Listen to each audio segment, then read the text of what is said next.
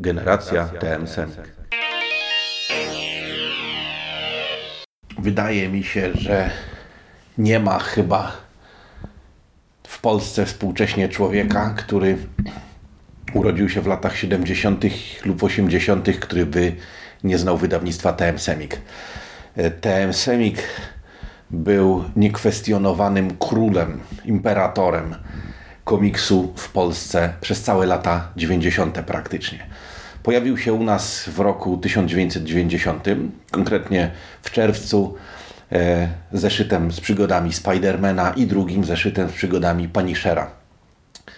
Pojawił się ze Szwecji e, jako miejscowy oddział tamtejszego e, koncernu Kodem. Nie będę się tutaj wydawał w jakieś szczególne zawiłości, historię i całą resztę. E, bardzo wiele na temat Semika zostało napisane i powiedziane. Osobiście polecam książkę Łukasza Kowalczyka na temat tego wydawnictwa. W druku jest już niedostępna, ale można nadal dostać ją zupełnie za darmo w formie elektronicznej. Jest to lektura, która da Wam więcej niż ja kiedykolwiek mógłbym Wam dać. Faktem jest natomiast, że dla całego pokolenia, myślę, że głównie chłopców, ale dziewcząt również, TM Semik był pewnym takim wspólnym doświadczeniem. Używa się nawet czasem żartobliwie określenia pokolenie TM Semik. Stąd tytuł tej serii podcastów Generacja TM Semik.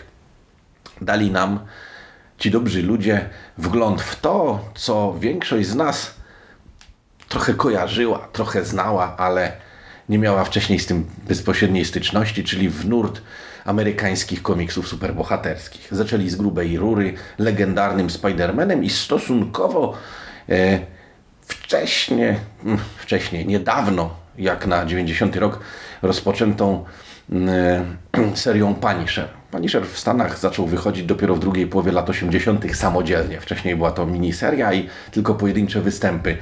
E, potem odpalili jeszcze dwie legendy, Batman i Superman, a potem byli Marvelowscy X-Meni, potem był Green Lantern, potem było wszystko.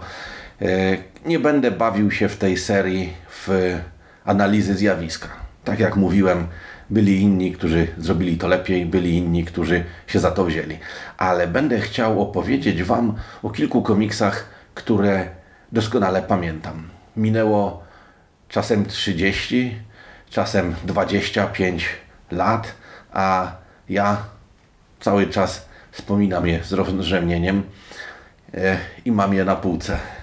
I zdarza się, że lubię do nich wrócić. Myślę, że jeżeli posłuchacie tego, co mam do powiedzenia w nadchodzących odcinkach, to będziecie mieli ochotę również poczytać.